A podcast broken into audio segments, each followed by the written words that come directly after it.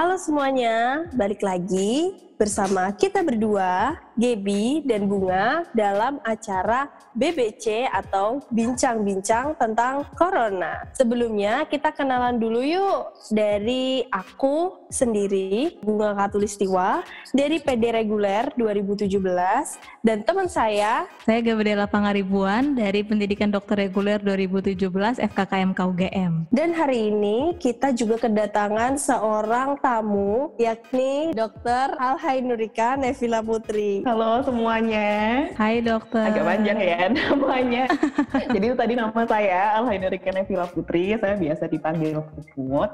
Uh, karena tadi pada kenalannya uh, dari FK UGM, kebetulan saya juga se-alma mater sama Gaby dan Bunga. Saya angkatan 2017 sekarang saya uh, bekerja sebagai asisten di bagian ilmu kesehatan masyarakat UGM. Oke, terima kasih banyak ya dok sudah mau meluangkan waktunya dok buat kita bikin podcast ini. Iya, senang Terima kasih banyak dok. lucu sama kalian. jadi untuk uh, pembukaannya dok, uh, jadi sebelumnya kami udah menyebarkan kuesioner uh, gitu dok ke 38 responden kami kayak yang nggak punya background kesehatan gitu. Nah kita tanya nih pandangan mereka tentang new normal, apa yang mereka belum tahu, apa yang masih pengen mereka tanyakan kayak gitu. Nah dari hasilnya nih dok, uh, tersebar kayak tiga kelompok gitu dok. Ada responden yang setuju, ada responden yang masih bingung atau istilahnya kayak lampu kuning gitu, sama ada responden kelompok terakhir tuh yang bener-bener tidak setuju sama kebijakan ini gitu dok. Nah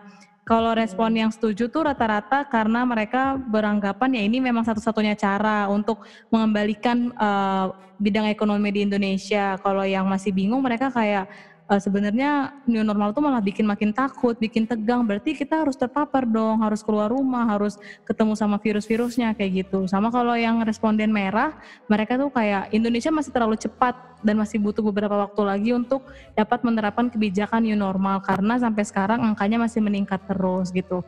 Nah, uh, untuk yang pertama nih dok, Bagaimana sih sebenarnya pandangan dari tenaga medis terkait kebijakan new normal ini? Apakah kebijakan ini suatu hal yang tepat gitu? Oke, okay.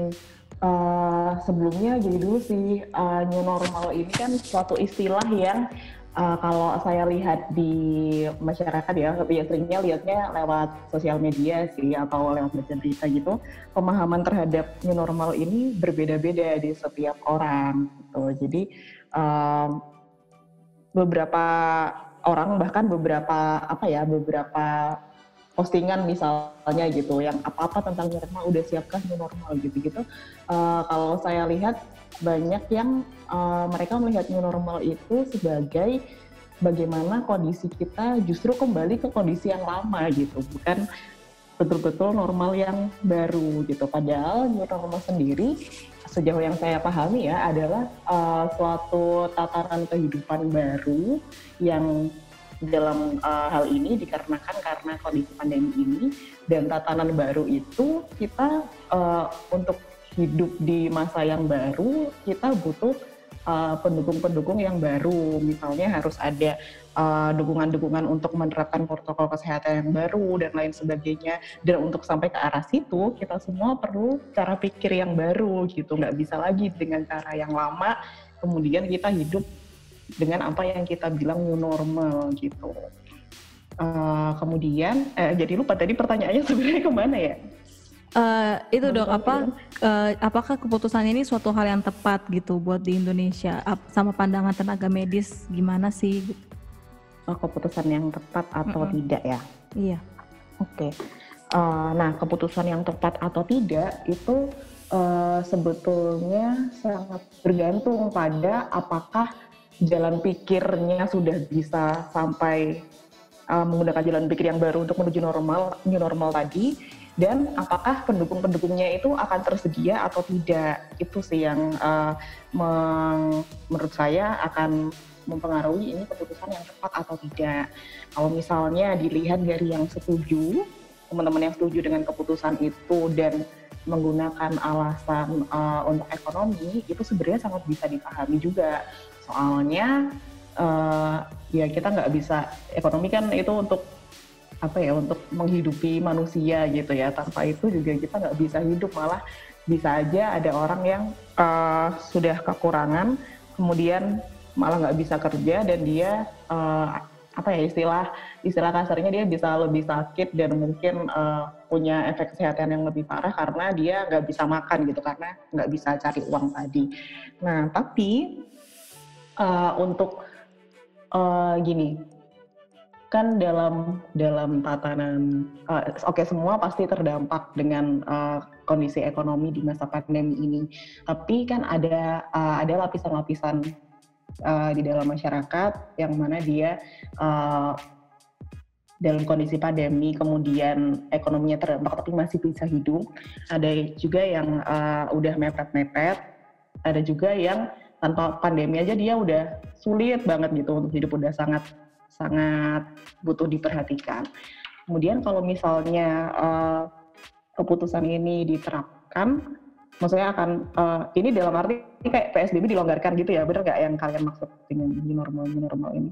Iya bener dok kayak kan uh, new normal juga masih dibagi bener lima banget, dibagi lima tahap gitu kan dok berkala lima fase. Nah uh, bener sih dok tentang pelonggaran dan menuju new normal ini Nah, kalau misalnya pelonggaran itu yang perlu diperhatikan uh, itu tadi sih apakah apakah dengan begitu begitu dia diterapkan kemudian orang-orang akan bisa kembali bekerja uh, oke okay, secara secara gambaran misalnya kita oke okay, ekonomi mungkin akan membaik karena orang-orang udah bisa bekerja lagi. Nah tapi yang perlu diperhatikan juga apakah betul seperti itu? Apakah ada jaminan dengan uh, dengan dibukanya kesempatan new normal kemudian orang bekerja dan uh, pendapatannya akan bertambah lagi. Bagaimana dengan orang-orang yang kondisinya udah vulnerable dalam arti misalnya kayak gini nih kasarannya dia dalam kondisi yang sangat kekurangan. Terus sedangkan saat normal itu kan kita butuh pendukung-pendukung tadi kayak misalnya masker terus habis itu uh, cuci tangan dan segala macam tapi dia tuh nggak bisa untuk beli itu gitu misalnya untuk memenuhi kebutuhan-kebutuhan yang mendukung new normal saat itu terus nanti dia bekerja gitu. Pas dia bekerja meningkatkan resiko dia terpapar. Dia bisa aja menularkan dan juga bisa aja ketularan. Uh, nanti efek jangka panjangnya yang lebih berlanjut kan kita nggak tahu ya gitu. Bisa aja itu akan jadi lebih buruk gitu. Karena kondisi dia yang tidak terdukung tadi. Jadi rencananya dia mau bisa kerja biar dapat eh tapi karena dalam rangka bekerja dia kesehatannya malah jadi turun gitu kan. Jadi nggak tercapai tujuannya itu salah satunya sih. Berarti untuk siap hidup new normal perangkat-perangkatnya tadi juga harus terpenuhi dulu ya dok ya. Uh, yeah. baik, baik yang mau sekolah, berarti mungkin nanti habis ini balik ke kampus kita nggak bisa yang kuliah setiap hari juga, terus jadi kelasnya rame-rame gitu. Jadi komponen-komponen pendukungnya harus ada gitu ya dok.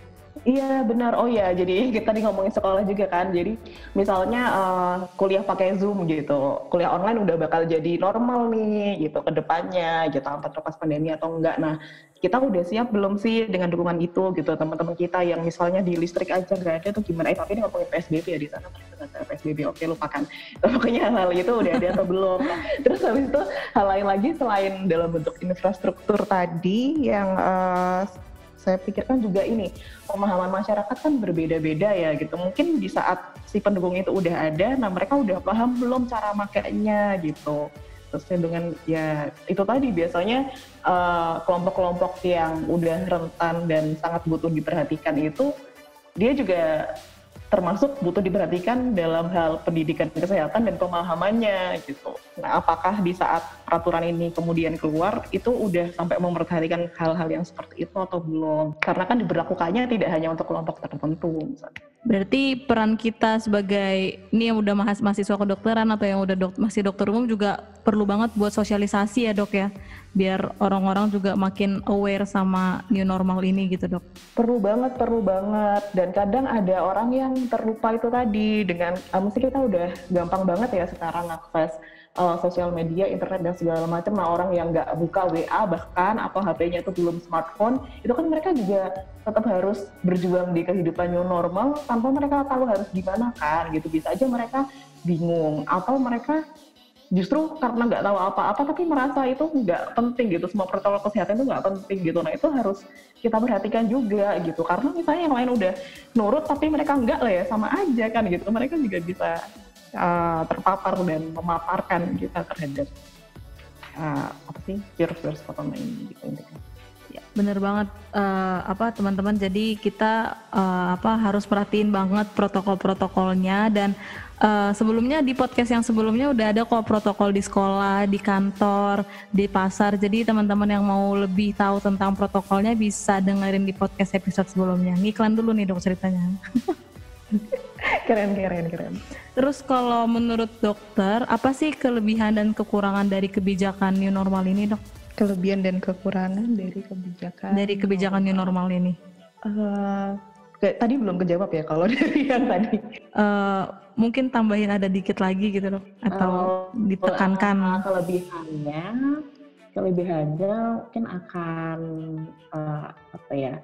Kelebihannya berhubung orang-orang belum. Ini sebenarnya agak agak agak paradoks ya. Maksudnya karena new normalnya kita kan belum betul-betul new gitu yang saya lihat sehingga pas ini diterapkan itu orang-orang jadi mulai bisa beraktivitas dalam tanda kutip normal kembali untuk ya mencapai kehidupan yang biasa gitu untuk bisa terpenuhi segala kebutuhannya tapi kekurangannya itu tadi pendukung-pendukungnya sangat perlu diperhatikan gitu dan orang-orang yang uh, rentan itu juga perlu diperhatikan. Uh, sama kemarin aku juga dengar lihannya salah satunya masyarakat Indonesia jadi peduli banget sama pola hidup bersih dan sehat ya dok ya. Yang dulu kita susah banget mau nyuruh cuci tangan, udah capek-capek campaign, sekarang semua orang inget banget buat cuci tangan terus gitu dok. Uh, iya ya, mungkin selain dari kita manusianya yang jadi rajin cuci tangan, nah di tempat-tempat umum jadi lebih banyak tersedia fasilitas-fasilitas yang mendukung kita untuk melakukan hidup sehat juga. Oke, uh, untuk sesi selanjutnya dok, jadi dari 38 itu ada yang bertanya, ada yang menyampaikan pertanyaan, cuma kami pilih beberapa dan ada pertanyaan yang sama juga gitu ya dok. Nah, uh, ada yang nanya ini dok, uh, apakah kebijakan new normal ini termasuk herd immunity gitu dok, uh, dengan membiarkan orang-orang menjadi terpapar dan membiar supaya generasi berikutnya dapat memiliki kekebalan terhadap virus corona ini dok? Hmm. Itu kayak hal yang sangat ini ya kesimpulan yang diambil terlalu cepat untuk bisa bilang kayak gitu.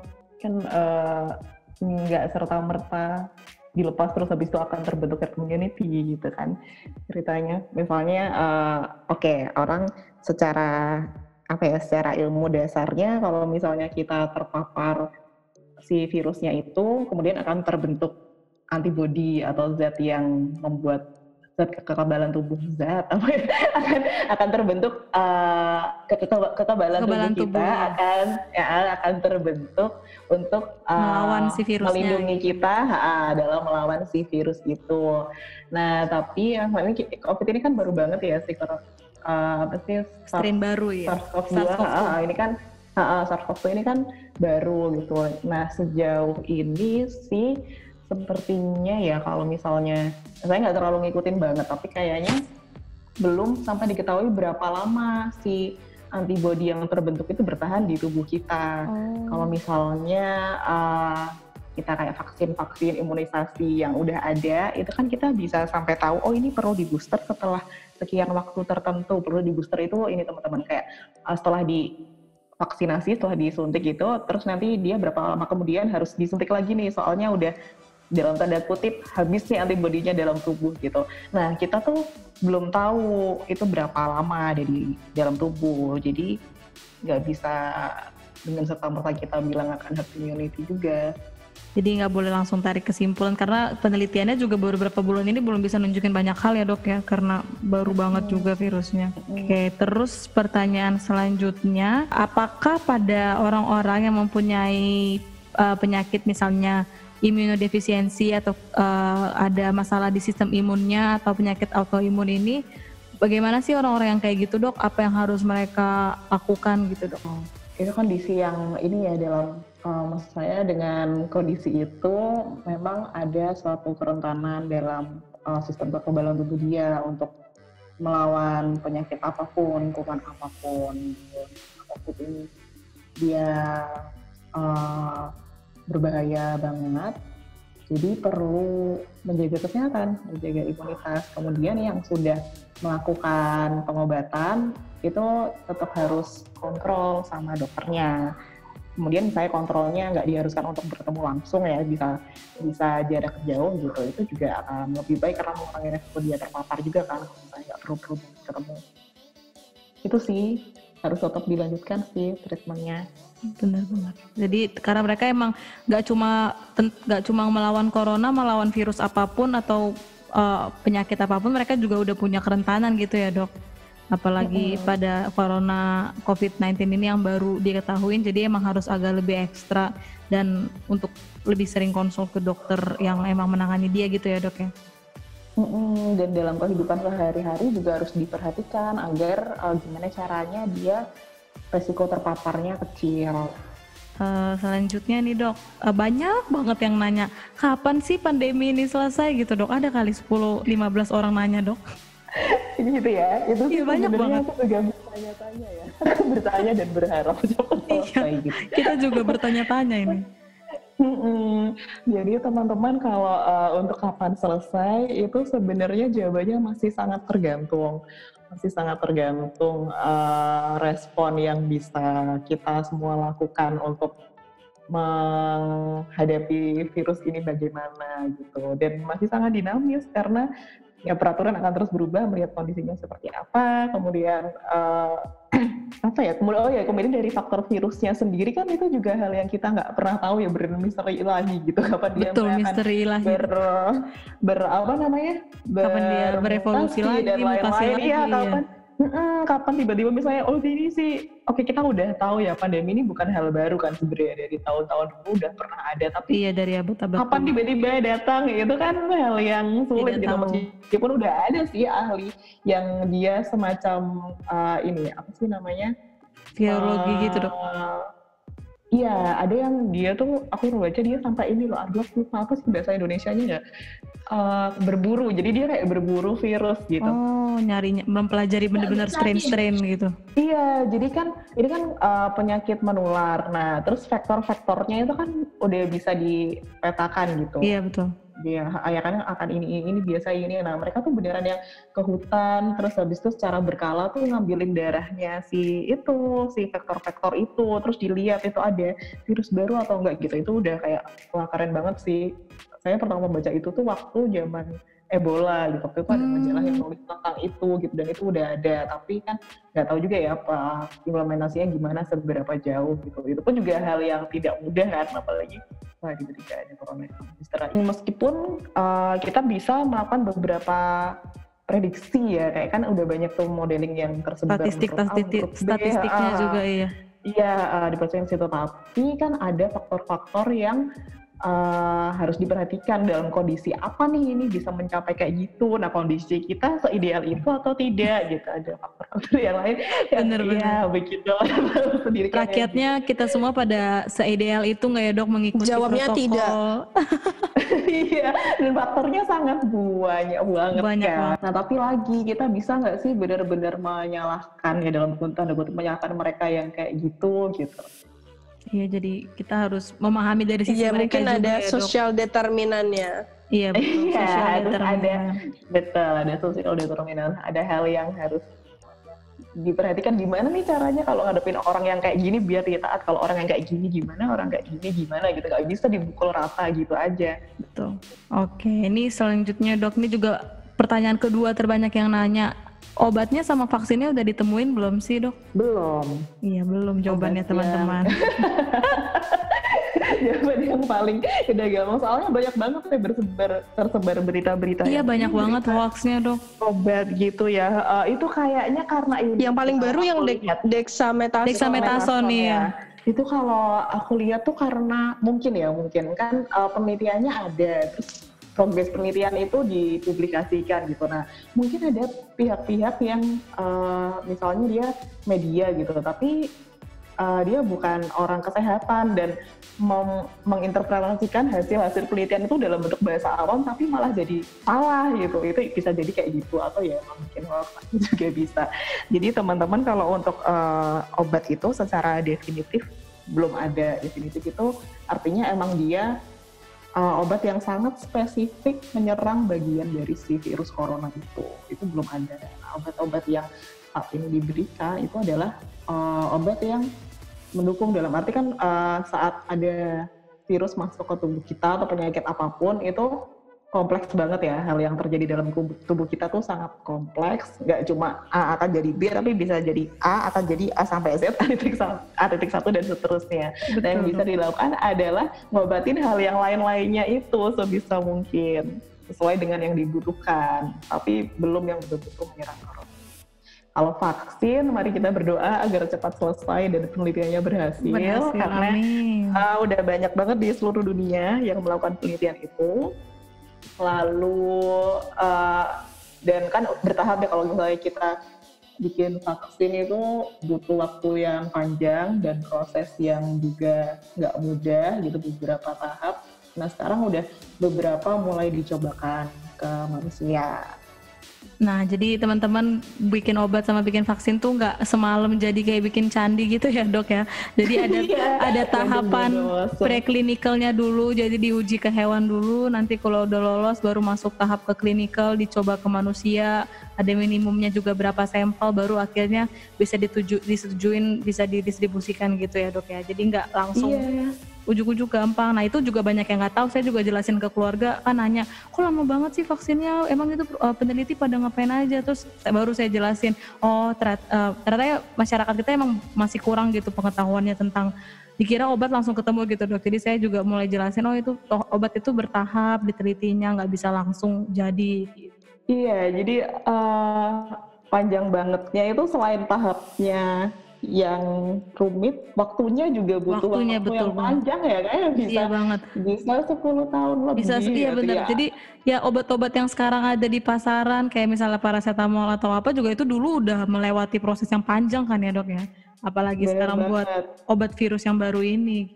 Betul betul dan belum tentu selalu berhasil kan. Betul. Nanti ada juga yang tiba-tiba di tengah bisa ditarik gitu ya dok ya obatnya. Jadi kayak mm. banyak banget efek sampingnya apa. Nah ini jadi buat teman-teman pendengar kita jangan kemakan gampang hoax.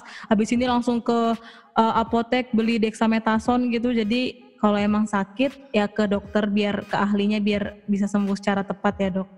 Ya, mungkin kalau ada yang penasaran sebenarnya terus Dexa tuh ngapain sih? Itu kalau uh, yang di hasil penelitian itu dia uh, secara singkatnya dia mengobat bukan mengobati sih, dia memperbaiki kondisi atau menurunkan tingkat kematian pada pasien yang dengan ventilator. Ventilator itu alat bantu nafas yang mana berarti uh, kondisi dia sudah sangat parah sampai butuh dibantu dengan alat dan yang pakai oksigen hmm. gitu. Nah, belum ada tuh uh, hasilnya yang mengatakan bahwa itu cocok untuk pasien yang gejalanya ringan. Itu belum. Padahal kan hmm. kan orang sakit itu uh, spektrumnya luas banget. Ya bervariasi, ya, iya benar. Ah, bervariasi ya kan seperti apa gitu. Jadi nggak bisa serta merta diinterpretasi dia adalah obatnya gitu saat ini gitu iya. bisa.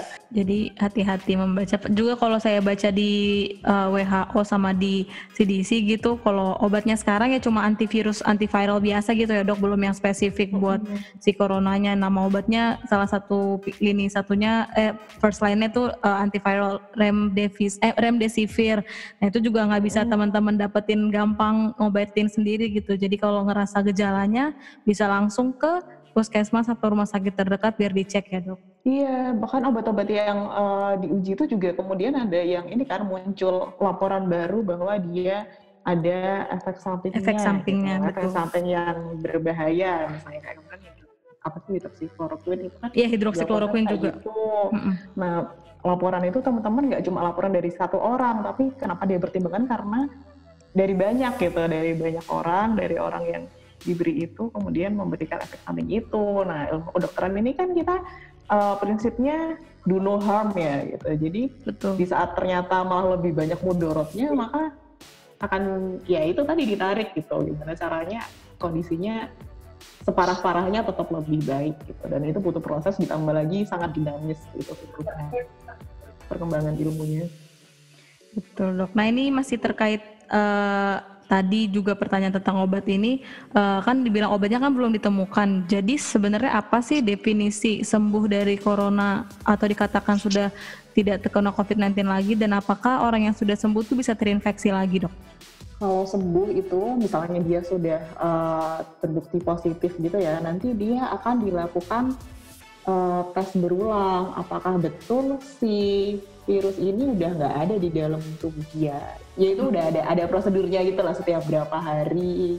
Di, di swab ulang gitu ya dok? Iya di swab ulang, kemudian dengan obat-obat yang diberikan gitu apakah baik atau tidak gitu nah sampai pada batas tertentu dia udah nggak menunjukkan lagi itu oh udah negatif gitu dan pasti nggak cuma sekali betul negatif dua kali kalau nggak salah itu baru deh dia dicatatkan sembuh sama tadi dok, apa yang apakah orang yang sudah sembuh bisa terinfeksi COVID lagi nggak?